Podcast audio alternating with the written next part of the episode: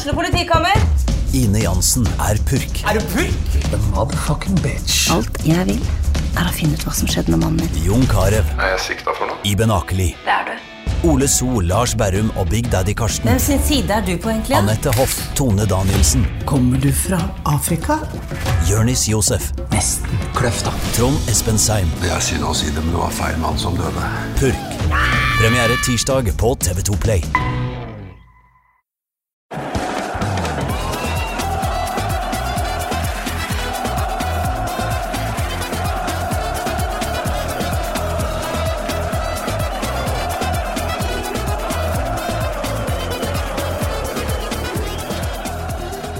Hjertelig velkommen til en ny episode av Pyro og Pivo. I dag skal vi snakke om Nederland, eh, landet som eh, vel ble mest kjent i Norge pga. Kristoffer Schou. Eh, vi skal derimot ikke snakke om eh, gamle nederlandske komikere, vi skal snakke om fotball. Og med oss eh, i dag har vi Paul Thomas Clay, eh, kommentator i eh, Viasat. Velkommen. God dag, og takk. Du eh, kommenterer jo en hel rekke ligaer og cuper og diverse, egentlig alt vi har satt har å by på. Men uh, Nederland, det har du bare blitt satt til, eller? Uh, nei, Uh, nei, det har jeg ikke. Eh, det vil si, jeg fikk muligheten til å kommentere det når vi fikk rettighetene i januar 2015. Og, eh, men jeg har et langt forhold til Nederland fordi broren min bor der nede. Eh, han flytta dit i 1996, så han har bodd der i 21 år. Så jeg har vært der omtrent i hvert fall en gang i året eh, siden da. Eh, og han var bl.a. Uh, vakt også på Helredome i eh, Arnhem. Så han har, eh, han, har eh, ja, han er min link til fotballen der nede. Det var der sånn det starta, egentlig. Helredom, eh, det husker jeg var dødspopulært eh, blant eh, folk på min alder eh, i EM 2000, fordi det var så kult med denne futuristiske takløsninga. Absolutt. Og de kunne jo kjøre gressmatta ut under eh, tribunen, og sånn at den eh, fikk eh, sol og vann på seg fra utsiden. Ja. Det Ganske er som bra. konsertarena også. Mener jeg husker de hadde ganske bra CM-lag på den tida også. Det kan godt hende. Eh, men det er også kanskje det stedet jeg har sett eh, den verste fotballkampen eh, i mitt liv. Hvor jeg har vært på stadion. Og det var Norge-Slovenia i, EM i 2000. Det var fryktelige saker. Det husker jeg mm, nesten at jeg følte en slags glede da Jugoslavia snudde ting, fordi det var så patetisk hvor hardt Norge jubla av 0-0 mot Slovenia. Men det fikk jeg ikke lov til å være far, da. Nei, nei, og det verste syns jeg med det der var at de, Norge prøvde jo ikke engang.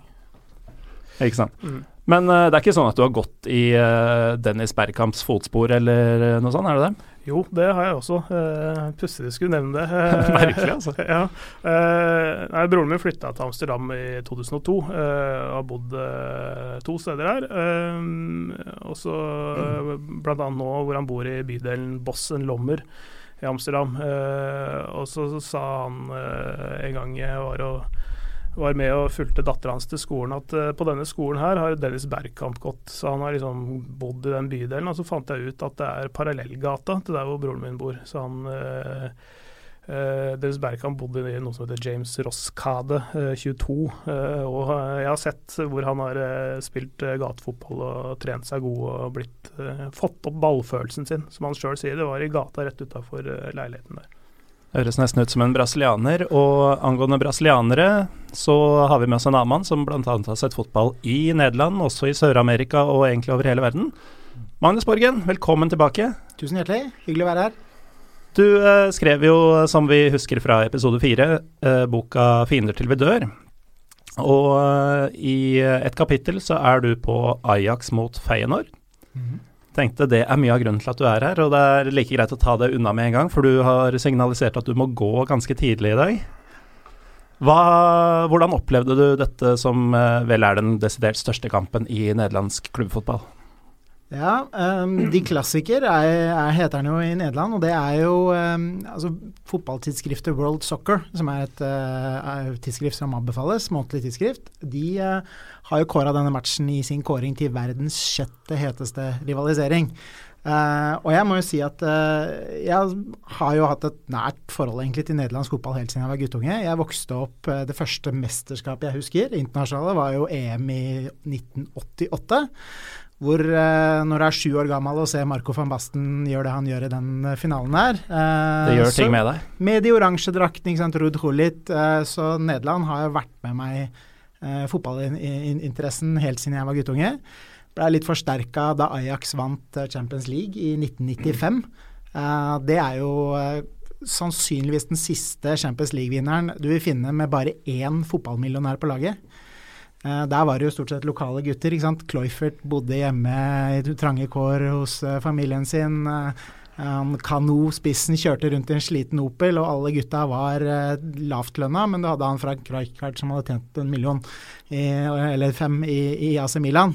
Men, og det var jo på en måte litt sånn storyen også, at det var underdogen Ajax som klarte det i 95. Så det er litt min bakgrunn før jeg reiste på den reisen jeg gjorde, hvor jeg så hete fotballkamper i, i, rundt 20 land, og som blei boka 'Fiender til vi dør'. Men jeg må jo si at uh, nederlandske rivaliseringa mellom Ajax og, og Feinor har jo veldig mye av det en god rivalisering trenger. Ja, for det er jo litt sånn eh, når du sier at den er ranka som sjette heteste eh, hatoppgjør i verden, så er det jo lett for oss som ikke har vært på den, å tenke at uh, det kan jo ikke være mulig. Er ikke dette nordeuropeere og litt sånn sindige jeg trodde det kom til sånn liberale, kule mm. Nederland. Litt sånn klart, Der har de ikke sant? Når du skal se på hete rivaliseringer, så, så, trenger du Det er noen elementer du trenger. Du trenger mye historie. Det har de to klubba her. Både Ajax og Feyenoord. Ajax er stifta i 1900. Eh, Feyenoord åtte år seinere, 1908. De har møtt hverandre siden 1921. Uh, og det er jo to byer uh, som uh, Altså det er de to største dominerende byene i Nederland. Ajax fra Amsterdam, Feinor fra Rotterdam. Uh, og historien er jo litt sånn at eh, Ajax er stifta av handelsmenn. Stort sett folk som, som trada diamanter, gjorde ulike ting. Folk med krøllbart eh, på tidlig 1900-tall? Folk som visste å gjøre business. og som, sant, Nederland har jo en lang historie som kolonimakt. og det var mange av de samme folka som, som stifta, stifta Ajax i sin tid. Feinor har jo alltid vært litt sånn røffe havnearbeidere. Og det er det som er deilig med fotball. ikke sant? At selv om det i dag er selvfølgelig IT-folk, eiendomsmeglere og ikke sånn som oss, som følger Feinor i dag, så er de på en måte stempla som havnearbeidere, fordi det er du når, når du er fra Rotterdam. Uh, og så er det jo mange, mye annen miks her. ikke sant? Du har da Amsterdam og Rotterdam som to motpoler i seg sjøl. Og i Nederland så sier de litt sånn at i Amsterdam så drømmer man, i Rotterdam så arbeider man. Så du har Litt sånn filosofi, kunst, kultur i Amsterdam. Eh, liberalisme, kul moter osv. Og, og, og, og i Rotterdam så har du en mer erketypisk eh, arbeiderklassekultur. Så, så når du mikser dette her, da, og ikke minst denne matchen som er blitt en veldig viktig del egentlig begge klubbenes identitet Jeg besøkte begge klubbene da jeg var der. Og, og, begge to snakker om at det er liksom en gjensidig respekt, og så er det en gjensidig avsky. Mm. Så det har på en måte litt av de samme elementene som veldig mange andre rivaliseringer i, i verden. Um, og det er klart uh, Det som er fascinerende her også, er jo uh, historien med uh, Ajax. mange kaller det en jødeklubb. Ja, det er en debatt i seg sjøl. Jeg, jeg var på Ajax Groningen for noen år tilbake, og da var det ganske dødt og dårlig besøk. Det var en lørdagskveld, og Amsterdam-folk hadde andre ting å ta seg til. Uh, endte jo selvfølgelig med komfortabel Ajax-seier, så det var liksom ikke noe innsats fra supporterne som måtte til. Det som etsa seg fast, var jo dette, dette ropet 'Ajax-jøden, superjøden'. Ja, og, jo, og, de har jo andre versjoner av det nå. De har jo en som heter 'Let's go, jøden, let's go'. Eh, så Ajax-supporterne har jo trykket dette til sitt bryst og, og bruker det som en viktig del av sin identitet. Når du går rundt Amsterdam Arena, Eh, både på derbymatcher, men også, også vanlige ligamatcher, så er det jo mange suvenirsjapper og sånn som selger ting. Eh, og det ser ganske likt ut i hele verden. Men i Amsterdam så selges det altså Israel-flagg med, med davidsstjernen. Det selges effekter som veldig tydelig eh, knytter Ajax til, til, til, eh, til jødedommen. Eh, det skyldes delvis litt av historien, men egentlig så er det jo litt sånn at det var først ut på 1950-tallet hvor, hvor denne Eh, hvor denne tilknytningen til, til, jødene, altså etter andre verdenskrig Det var jo da eh, Ajax egentlig eh, begynte å identifisere seg og ble et litt samlingssted for mange jødiske familier som hadde mista folk under andre verdenskrig. Og da ble, tok Ajax på seg en rolle som et litt sånn samlende sted eh, for mange av de med traumatiske historier fra, fra andre verdenskrig.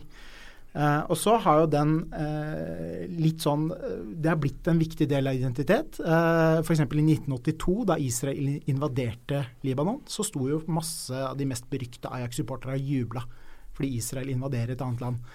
Mm, Rett og slett bare fordi det er en viktig del av identiteten deres. Men da har det gått langt forbi dette kosmetiske eh, på overflaten.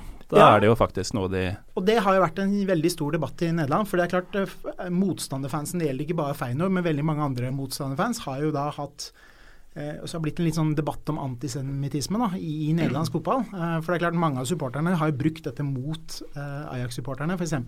Hamas, Eh, Hamas. Hamas, Hamas, la jødene lukte gass, er jo et veldig sånn uh, uttrykk som, som Feyenoord-fansen ofte bruker. eh, og rett og slett jubler når Hamas gjør ting. Eh, Og, og den der veldig, veldig veldig stygge lyden som en del bortesupportere lager, den derre Mm. Yes. som er altså gassen som siver ut. de stikker Eh, tunga, tunga rett opp i ganen, og så, så er det vislelyder. Ja, det er, det er noen fryktelig stygge episoder der. Eh, Det, det, altså det, det hører jo ikke noe sted hjemme uh, overhodet, eh, egentlig. Men det har vært en sånn, sånn det begynte jo som du sier, eh, 50-60-tallet, dette her hvor de altså det, de, har, de hadde jødelinker fra før krigen også, men, men, men den, som du sier, de tok, tok på seg den rollen etter, eh, etter eh, krigen. Og, og, eh, og det ble en litt sånn eh, det er jo eh, også et utslag for den litt sånn kollektive eh, dårlige samvittigheten som eh, nederlendere hadde etter krigen, fordi de også var det landet i Europa som sendte flest, flest av sine jøder til gasskamrene. Og, eh, sånn at det, det var jo en måte å rette litt opp i eh, historien sånn sett. eh, og så har de bygd, bygd på den, den Israel-linken, og så har motstanderlag som da hater Ajax, eh, brukt det som en av de tingene de, altså en, en sånn knagg mm. å, å henge sånn rivaliseringen på, da. Eh, så ja.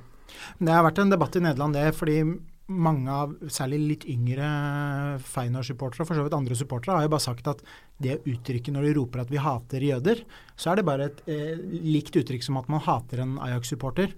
Eh, I hvert fall er det slik debatten har gått i Nederland. Eh, Ja, for sånn er det jo stort sett i fotballverden med andre ting. Altså, dere roper 'vi hater kanarifugler', ikke sant. Dere hater jo ikke dyret. Nei, og, og litt det samme. Du har jo en parallell også til, til England og Premier League eh, med, med Tottenham, ikke sant? som også har Yids og Yiddos som, som har trykket dette litt i sitt bryst. Og så er det selvfølgelig litt variasjon blant sikkert egne supportere og motstandersupportere i hvilken grad man, man tar dette bokstavelig, eller om det bare er en mer eh, morsom ordlek. Men, men det er jo viktig å si at eh, f.eks. Feinor har jo brukt dette ganske aktivt også, eh, og, og ikke minst spillerne. altså Da Feinor vant ligaen i 1999 så var det en stor samling på torget i Rotterdam. ikke sant? Gutta hever pokalen og sånn, og da tar eh, daværende kaptein Ulrich van Gobbel, en svært tanksenter Ja, av en midtstopper, eh, han eh, tok da mikrofonen, og så brøler han inn åtte ganger den som ikke hopper er en jøde, den som ikke hopper er en jøde. Og så står jo da hele torget og hopper med ordfører og greier. Så det her er jo eh, Og det er jo vært en greie som eh, Og det skapte egentlig ikke så stor eh, debatt i Nederland som det ville gjort mange andre steder. Det, det, det, det er jo Nederland er et liberalt land, sies det jo.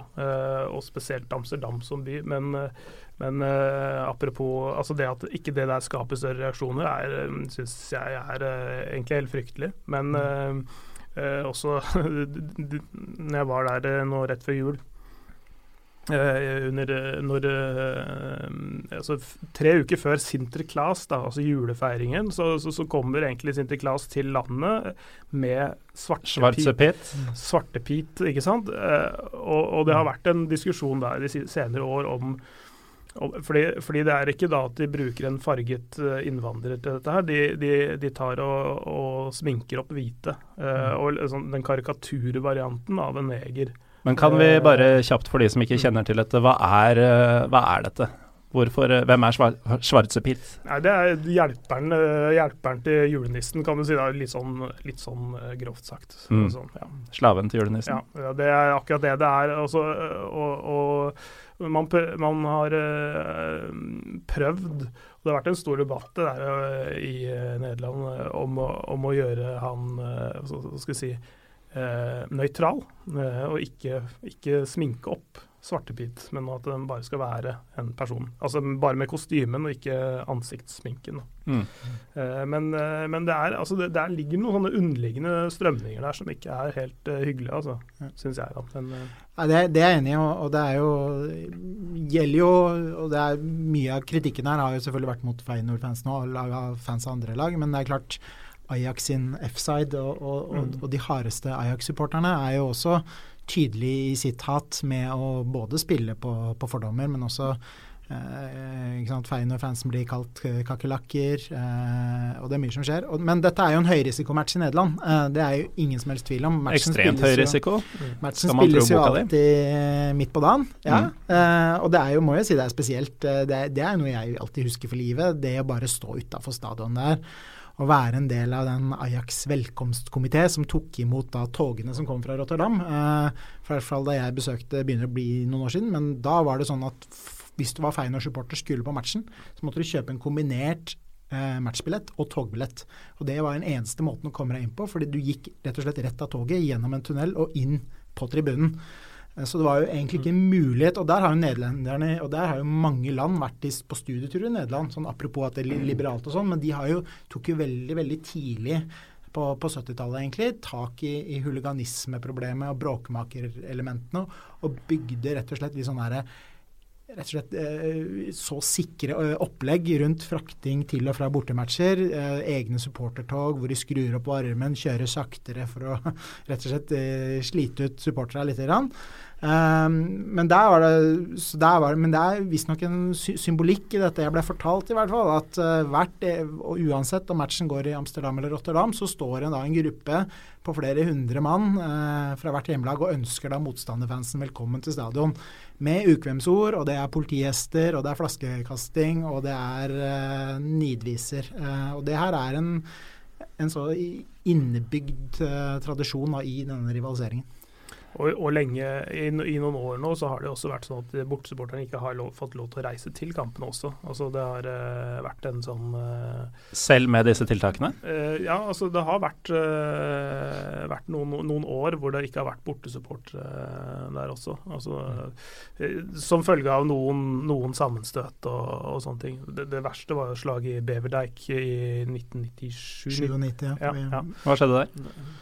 Det var en, en, en av Ajax-supporterne som ble drept, rett og slett. Eh, Det var, var visst en av de mest fremtredende innafor ja, de hardcore eh, Ajax-supporterne. Det var F-side, Ja. var det ikke Det det? var, det var en fyr som het Carlo Picorni, mm. uh, som var tidligere en av lederne blant supporterne. Og så hadde han hatt noen år hvor han hadde roa seg ned, Mm. blitt litt seriøs og fått dame og sånn. Og, og så, hadde han, så hadde han skjønt at det her nå var det en sånn Braveheart-konstruert uh, fight Ja. 20 km utafor Amsterdam på et jorde hvor Mm. flere hundre av de hardeste skulle møte opp for å slåss. Og da hadde han etter noen år ute av miljøet ikke klart å si nei. Og da hadde han blitt identifisert, eh, og hvis du skal tro Ajax-supporterne, så, så blei han da egentlig brutalt drept ved at han blei slått i bakken. Eh, og så hadde Feyenoord-fansen brutt litt den eh, uskrevne regelen som finnes i disse miljøene, om at du ikke skal eh, angripe en mann som ligger skada nede, men der hadde han fått utallige spark mot, mot hodet, bl.a. Og fortsatt en dag i dag så er det jo ett sete på Amsterdam Arena som på en måte er, er satt av for å, for å hylle det han Carlo, som de da kaller en, en martyr i det miljøet. Så det er jeg helt enig i. Slaget ved Beverwijk eh, var, var kanskje i nyere, litt sånn nyere tid, så har det vært veldig utløsende for en økt, eh, økt rivalisering. Det tok jo også helt av i en reservelagskamp i 2004, hvor eh, hvor eh, det var så mange hooligans som møtte opp med fullstendig manglende sikkerhetsrutiner. Kan tenke deg en, en match mellom LSK2 og Vålerenga 2. Det er ikke mye politifolk. Eh, men eh, der hadde flere hundre folk storma banen, og spillere hadde blitt angrepet og sånne ting. Og så har jo sånn gamle Ajax-spissen han Angelos Caristeas fra, fra Hellas. Han klarte jo å dumpe ytterligere med at han hadde vært i Feinor før. Og så sa han at Feinor er Da var han Ajax-spiller. Feyenoord er egentlig en varmere og hyggeligere klubb å være i. Da måtte han altså ansette to livvakter, fordi F-side trua både han og familien hans. Og det, hans Ajax-karriere ble veldig prega av et uh, ublidt uh, forhold til egne supportere. Den uh, han, har han vel bare seg selv å takke for. Men uh, nederlandske supportere altså de dreper hverandre. De, uh, de sier absolutt hva som helst. Ja, de, de, Det er ikke mange, altså. Det er, det er, det er vel ett dødsfall uh, hos en, et annet lagssupporter. Husker ikke hvem det var nå, men det er, det er ikke mye av det. Men det, det skjedde da for 20 år siden. Da. Det har vel også hendt, uh, tror det var Utrecht uh, sine fans, som vel bomba klubbhuset til, til en annen klubb, eller en supportgjeng. Uh, på 90-tallet. Mm. Uh, så det, det, er ordentlig beinharde tilstander uh, i Nederland. Ja og nei. og nå skal jeg komme med en del positive ting om nederlandsk fotballkultur. og det er jo at Simon Cooper, som er Financial Times eminente skribent-journalist, som også har gitt ut en veldig veldig kul fotballbok. Simon Cooper sier at det å engasjere, for en nederlandsk mann, så det å engasjere seg i en fotballklubb, det er, liksom, det er akkurat like naturlig som å, å holde på med damer. Så, så, det har jo ført til at Nederland er blant helt, helt i europatoppen. Uh, jeg tror nesten er nesten 10% av alle nederlandske menn som har en relasjon til en fotballklubb i form av at man er medlem, eller at man har et veldig aktivt, uh, veldig, veldig aktivt forhold til en fotballklubb. Og det er veldig, veldig høyt. Uh, så, så, og på slutten av 90-tallet hadde jo Nederland den høyeste ratioen av fotballspillere på antall innbyggere. Så, så, det er jo det som er fantastisk da, med Nederland. Når det kommer til Nederland og er på match, så er det jo en, eh, en fotballkultur som eh, Når du tenker på at Nederland er et land på 16 millioner innbyggere, så er det helt fantastisk den store interessen og den atmosfæren de klarer å skape rundt, eh, rundt kamper. Det å være på både The Cape i, i Rotterdam, som jeg har hatt gleden av å være på, Amsterdam Arena eh, PSV har et bra trøkk når de spiller hjemmebane, til tross for at Eindhoven egentlig er en liten møkkaby. Mm. Og at det er et bedriftslag? Eh, Philips bedriftslag, ja. Men, men den, den, atmosfæren da, som du møter på, eh, på veldig mange nederlandske arenaer, den dedikasjonen, den lidenskapen de har, er helt, helt, helt i europatoppen. Det er ikke uten grunn at mange mange land og klubber har, har sett i Nederland for mm. mer enn bare fotballtalentutvikling og sånne ting. altså. Men uh, Pål Thomas, du som har uh, kommentert uh, alt mulig. Mm. Hvor, hvor, stort er dette oppgjøret? Altså, er det topp seks i verden når det gjelder intensitet, eller? Altså, nå det, det, det, er alltid vanskelig å sammenligne sånne ting, ikke sant. Men øh, Og jeg har, ikke, jeg har ikke fullstendig oversikt over alle, og jeg har ikke vært i Sør-Amerika på de der. og Jeg har, ikke, jeg har sett bilder fra Rosario og Derby, og liksom, altså det er jo helt kokos, det, det ikke sant. Altså det går ikke an å egentlig helt, uh, helt sammenligne, men, men, ja, det er veldig svært. Og det, vi har vært inne på en del av elementene med rivaliseringen mellom Rotterdam og Amsterdam. Uh, hovedstad, en annen by. Uh, Snakka akkurat med brutter'n i dag akkurat om dette her. Da. Han sa at uh, tenk deg hvis Bergen hadde vært like stor som Oslo, og så hadde du flytta Bergen til en time fra Oslo og så hatt Vålinga og Brann mot hverandre. Altså det, er, det, er litt, mm. det, er, litt, den der, det er hovedstaden og den nest største byen. Uh, de er like ved hverandre. Det er en time med tog, det er ikke, det er ikke lenger enn det.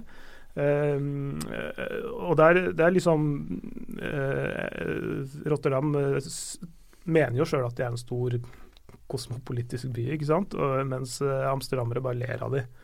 Ikke sant? Litt, mm. litt, litt sånn flåsete sagt. Eh, men det er, et, det er et lite mindreverdighetskompleks i Rotterdam kontra Amsterdam. Uh, og så mener rotterdammere at amsterdammere er arrogante og um, sånn nedlatende overfor alle andre enn seg sjøl. Litt sånn parisere er til andre franskmenn? Ja. altså På Amsterdam Arena så har de bl.a. et uh, banner som, så, hvor det står at uh, vi er ikke arrogante, vi er Ajax. Mm. Ikke sant? Det er jo herlig arrogant i ja, seg selv. Ja, ja og, de, og, de, dyrker disse motpolene, disse forskjellene òg, ikke sant. Og, og det ligger litt humor i det der banneret, da. ikke sant? De, de, de, spiller jo akkurat på det der. Mm. ikke sant? Nei, og Det er jo fantastisk, tenker jeg også. Og det er ikke bare supporterkultur og dette med litt sånn handelsmenn versus uh, klassiske arbeiderklassefolk. Det er også litt sånn måten de spiller fotball på, eller filosofien de spiller fotball på har jo vært at Ajax har jo hatt sin berømte Ajax-modell. Totalfotballen. Det skal se vakkert ut. Uh, som jo Jeg har alltid personlig vært svak for det i Nederland. Altså Det var jo en god siding da han trente det nederlandske landslaget i 1998. De kommer til semifinalen i Brasil, mot Brasil i Frankrike. du er i semifinalen i VM, og landslagstreneren sier at det viktigste nå er at vi skal spille bra, offensiv fotball som folk, gjør folk glade. Eh, og, og, litt den mentaliteten som har gjort at noen har kritisert Nederland for at veldig mange lag deltar i et VM for, for å vinne VM. Nederland deltar mest for at uh, hele verden skal se hvor gode de er, uh, og ikke fullt så kyniske rundt resultatet. Ajax har jo vært litt den samme mentaliteten der. Feinor har jo vært litt mer sånn beinhard 4-4-2. Uh, 4-4-2. det skal være mer effektivt. Så de Feinor har tradisjonelt spilt litt mer unederlandsk, da, hvis man kan bruke det, Derav det begrepet. typer som Dirk Hoit? Yes. Så det har vært litt sånn hardtarbeidende muskelbunter, litt sånn høye albuer. Eh, mer sånn kliniske folk, sånn som Jon Dahl Thomassen f.eks., som, som scorer som mer sånn Hvis han får ballen på femmeteren, så scorer han. Mm. Istedenfor Ajax skal det være litt sånn litt mer fiksfakserier, eh, tradisjonelt. Litt mer såledragninger i Ajax enn det er i, i Feinor. Jeg hørte, jeg hørte, på en annen podkast, eh, en engelskspråklig podkast om nederlandsk fotball rett før jeg kom hit også. og Der snakka de bl.a. diskuterte de Feinor og, og, og, og, sa hvor mange stjerner er det egentlig i dagens Feinor-lag? Altså virkelig stjerner. Det er det er gode spillere, bevares, men det er ikke så veldig mange stjerner der. Fordi det er, fordi det er et lag. Det er, som du mm. sier, det er mer hardtarbeidende, og, og Dirk er én ting. Tony Vilena eh, Kanskje har du liksom altså e- Elia, Elierio Elia og sånne ting. Nikolai Jørgensen. Det, det er gode spillere, på hvert sitt vis, men det er mer et lag enn enkeltspillere. Mens på Amsterdam Arena, eh, og der flytta Ajax inn i 96, så de var jo på De Mer, den gamle stadion før det. Men det er litt sånn når man går inn, inn der, og jeg fikk jo lov å være gjest der, og det, de er jo ekstremt opptatt og stolte av sin historie. Så det er jo nesten sånn du går inn der, og så det første som møter deg, er alle de spillere fra fra helt tilbake til Johan Cruyff, eh, og du har de stjerneårgangene. Og så får du litt sånn beskjed fra de som møter deg at her i klubben er det en litt moralsk forpliktelse til å spille vakker fotball. Ikke sant? Mm. Eh, og det er en veldig viktig del av Ajax og Ajax-supportere. Mens i, i, Rotterdam, hvor da du har mer den derre beinharde arbeiderklassementaliteten, hvor det å, det å skalle inn en, en heading fra én meter er like vakkert som en brasse fra 16-meteren. Eh, så der har du også en veldig tydelig skillelinje. Eh, og når du da legger litt den fotballfilosofien de to klubbene har i potten her, så skjønner du at dette er en rivalisering det lukter krutt av, og som, som, jeg mener eh, det er eh, rimelig enkelt for, for, nordmenn å komme seg til Nederland og se fotball, så det, det anbefales. Men uh, det du nevner nå, gjør jo at jeg som Lillestrøm-tilhenger merker jeg lener ganske kraftig mot Feyenoord. Uh, I hvert fall nå som vi har Arne Erlandsen, så høres det midt i blinken ut. Men uh, ja, de vinner vel kanskje vinner i ligaen i år, eller hva tror du? De ligger vel fem poeng foran nå? Ja, de ligger fem poeng foran Ajax, og de ligger åtte poeng foran eh, PSV. PSV som solgte Luciano Narsing, men fikk tilbake Marco van Rinkel eh, fra Chelsea. Det er viktig. Veldig viktig, for de har slitt litt med midtbanen. Eh, PSV da. Eh, PSV sliter litt på spissplass, for Luke de Jong har nesten ikke skåra mål. Altså, han, han eh, var jo nesten toppskårer i fjor, hadde ikke vært for Vincent Janten sin flotte vår osv. Han har han skåret tre mål på begynnelsen av høsten, skåret ett mål siden. Ett mål på 14 kamper eller noe. Så de sliter på spissplass PSV. Uh, Ajax varierer litt for mye. De har et kantproblem i Ajax. Uh, Dolberg varierer litt. Han hadde en fantastisk start. Uh, eller han starta ikke som på spissplassen, men når han først kom inn i laget, så hadde han en fantastisk start. Og så han, han, er han litt opp og ned. Han er jo ung fortsatt, ikke sant? 19 år osv. Eh, så det Ja. Det er et litt langt svar på et uh, enkelt spørsmål. Uh, jeg tror at Feinor har en god mulighet nå, og de må vinne i år. For det er ikke sikkert at de gjør det til neste år. Fordi de har noe aldrende spillere, og de, de unge spillerne der som gjør det bra, mm. de kan fort bli plukka opp av enda større klubber. Det bringer oss over på et annet tema. altså Nederland, eh, kjent som en veldig engasjerende og underholdende talentfabrikk. Spiller strålende fotball, pumper ut store navn.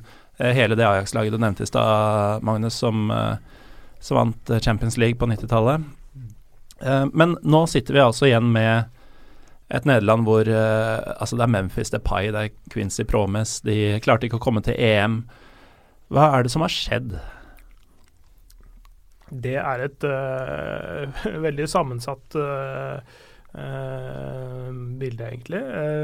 Det, det, har litt med TV-penger å gjøre. agenter agentenes inntreden og, og, deres økende innflytelse på spillelogistikk, egentlig. Uh, F.eks. Nå så, så, blir spillere henta veldig mye tidligere av større klubber i andre land. Altså, F.eks. Marco van Klinkel ble uh, henta veldig tidlig til Chelsea, og han har vært lånt ut til, til Ajax, han har vært uh, lånt ut til Fitesse. Uh, eller, um, eller, han spilte vel i Fitesse før han gikk til Chelsea, men det er en samarbeidende klubb. Uh, så har han vært, er nå på sitt andre lån i PSV i en alder av 24 år. ikke sant? Uh, sånn at spillere ble henta ut av Nederland tidligere. De, de, klarer ikke å holde på det i like stor grad som, som, før, fordi de har en økonomi som ikke matcher de aller største ligaene. Men hvorfor, dette, hvorfor, slår dette negativt ut? Det, blir det mindre nederlandske av det? Eh, eh, en annen ting Altså en, Et annet aspekt i dette her er at de, de spillerne de, de, får ikke utvikle seg nok i Nederland. Så, at, ja, så de kan bli tygd og spytta ut av større klubber. Og så er det også det der at eh, de, de har ikke økonomi heller i Nederland til å hente tilbake eh, spillere som har vært ute og gjort, der, gjort seg erfaringer. Sånn som 95-laget, hvor eh, Reykard og Danny Blindt spilte i, i, i Forsvaret. Og da, da, da, kunne disse unge uh, spillerne van de Fart, Snyder uh, Eller ikke Sneider, da, men uh, Davids, ja, Kluifert, Davids Overmars. ikke sant?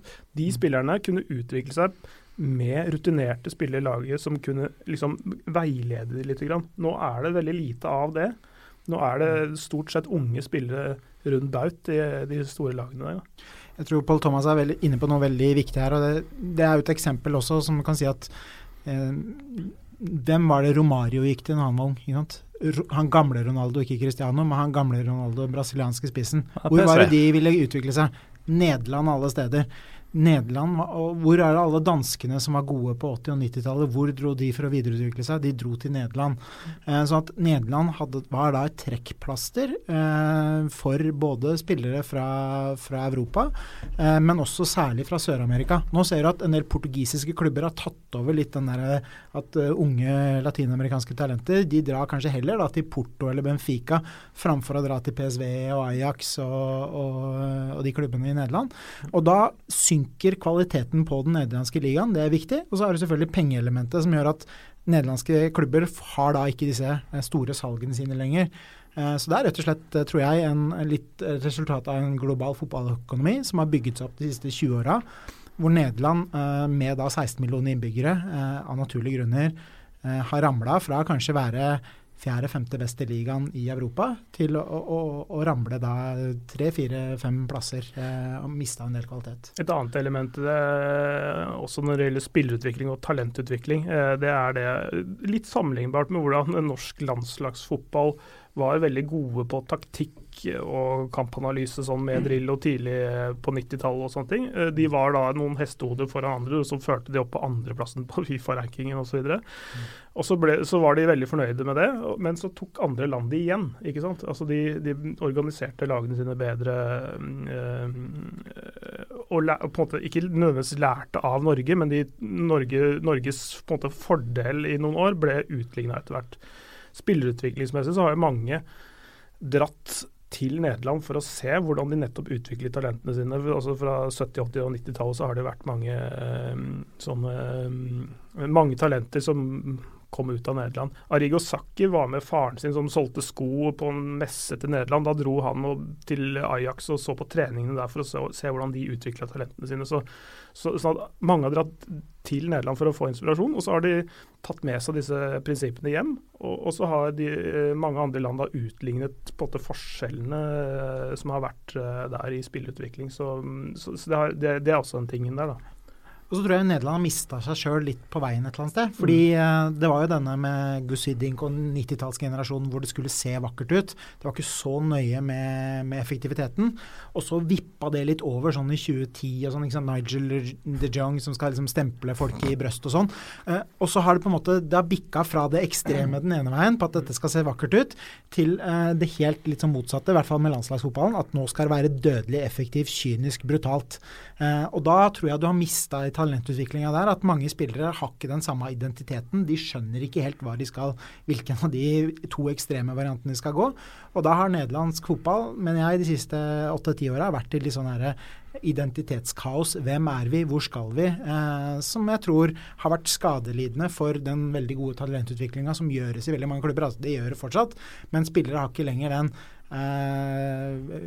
tiår tilbake og lene seg på en filosofi, fordi jeg tror toppene i Fotballforbundet og topp, toppene i toppklubbene der er litt i et villrede på hvor de vil en som klubb, hvor de vil en som forbund, mm. og hvilken fotball de skal spille. Uh, og det tror jeg da, når du kombinerer det med uh, manglende økonomi og synkende kvalitet, så har du litt uh, et resultat. Det, det er liksom nederlandsk fotball for meg nå i 2017. Mm. Uh, da er det vel sånn at du må gå, Magnus, for du har et møte. Sånn er det.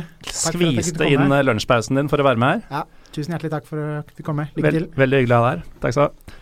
Uh, Pål Thomas, da var det oss to, da. Yes. Uh, Idet Magnus uh, leter etter dørhåndtaket, der fant han det.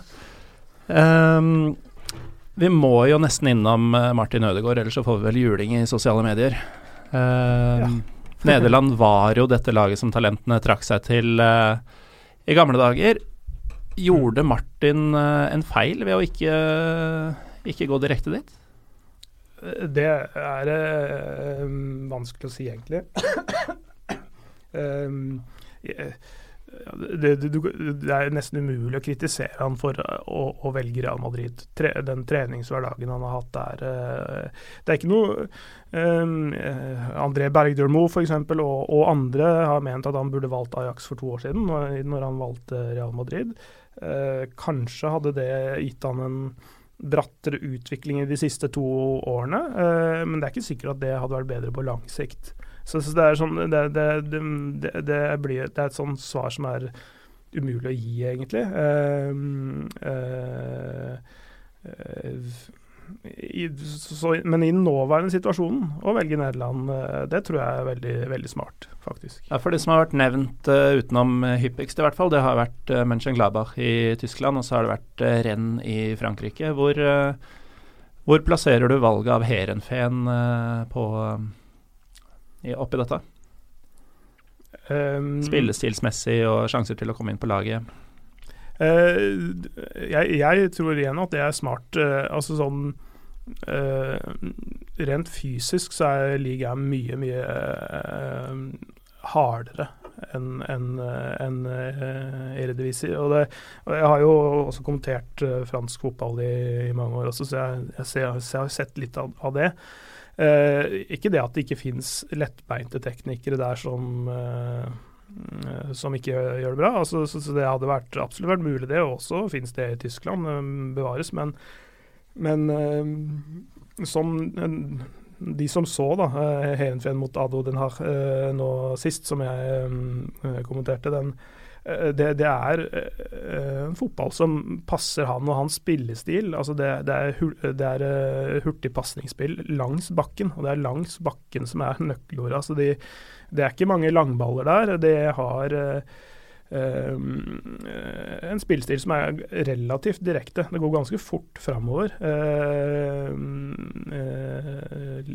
litt annerledes enn Ajax under Frank de Boer, som var litt mer å holde på ballen nesten uh, av prinsipp, da, mer, mer enn å egentlig skape noe. Uh, det var sånn for å holde ballen unna motstanderlaget, mer enn at de skulle, faktisk skulle skape noe med ballen.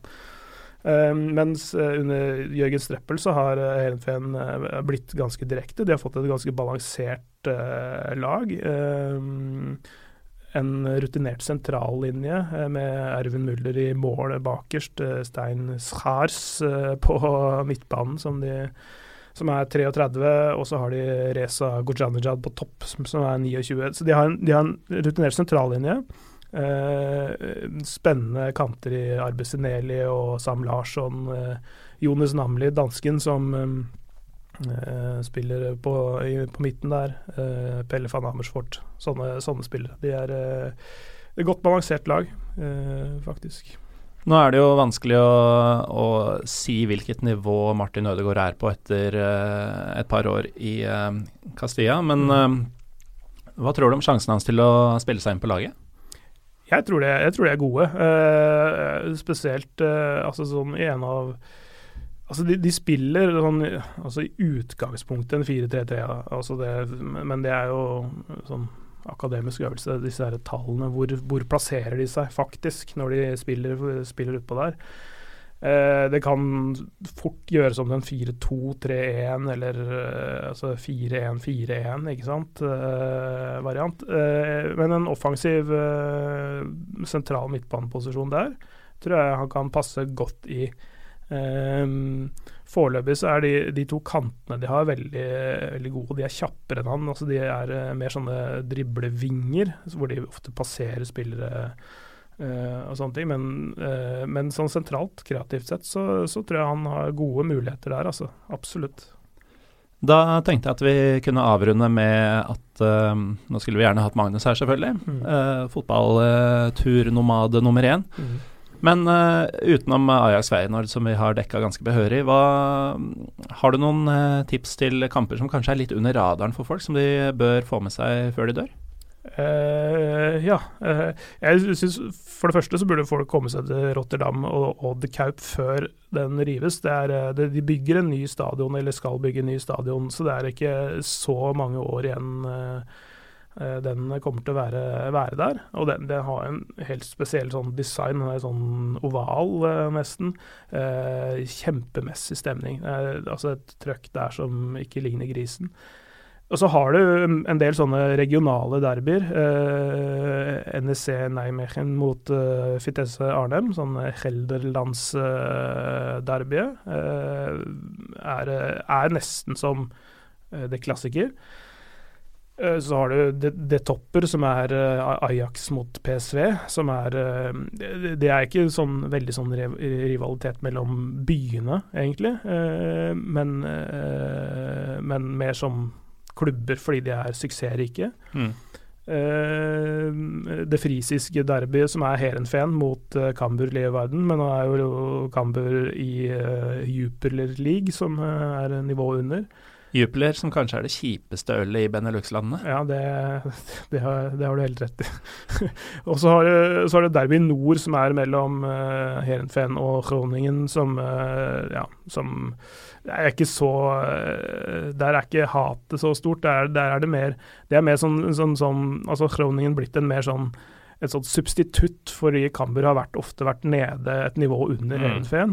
Uh, sånn at Og Groningen har ønsket å bygge opp en uh, rivalisering mot Henfen, men, men hatet er sterkere fra, fra Groningens side enn Henfen sin side. Litt som da Stabæk var nye i norsk toppfotball og ja. rett og slett sa 'kom og hat oss'. Ja, ikke sant. Det gidder jeg fortsatt ikke 20 år etterpå. Nei. Det, det, det, blir litt sånn skuldertrekk, da. Men, eh, men, eh, men, men apropos eh, opplevelser. Det, dra gjerne til Abel Enstra stadion og se Heerenveen.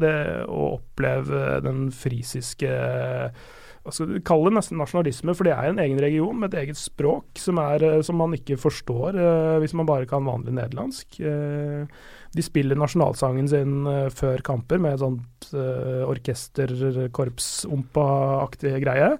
Uh, veldig interessant. Den, den, regionen der, da.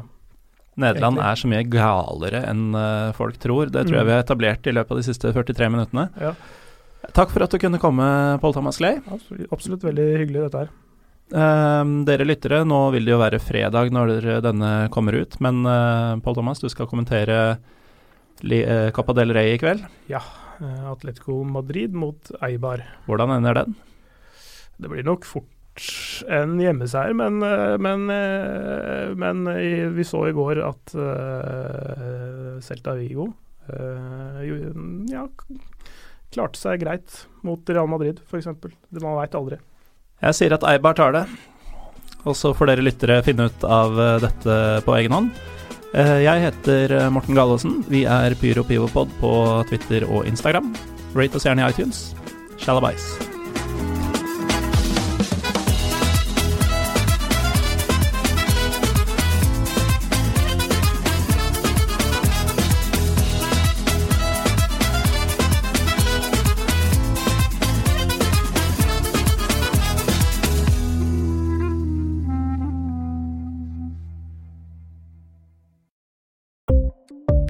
Ukens annonsør er HelloFresh.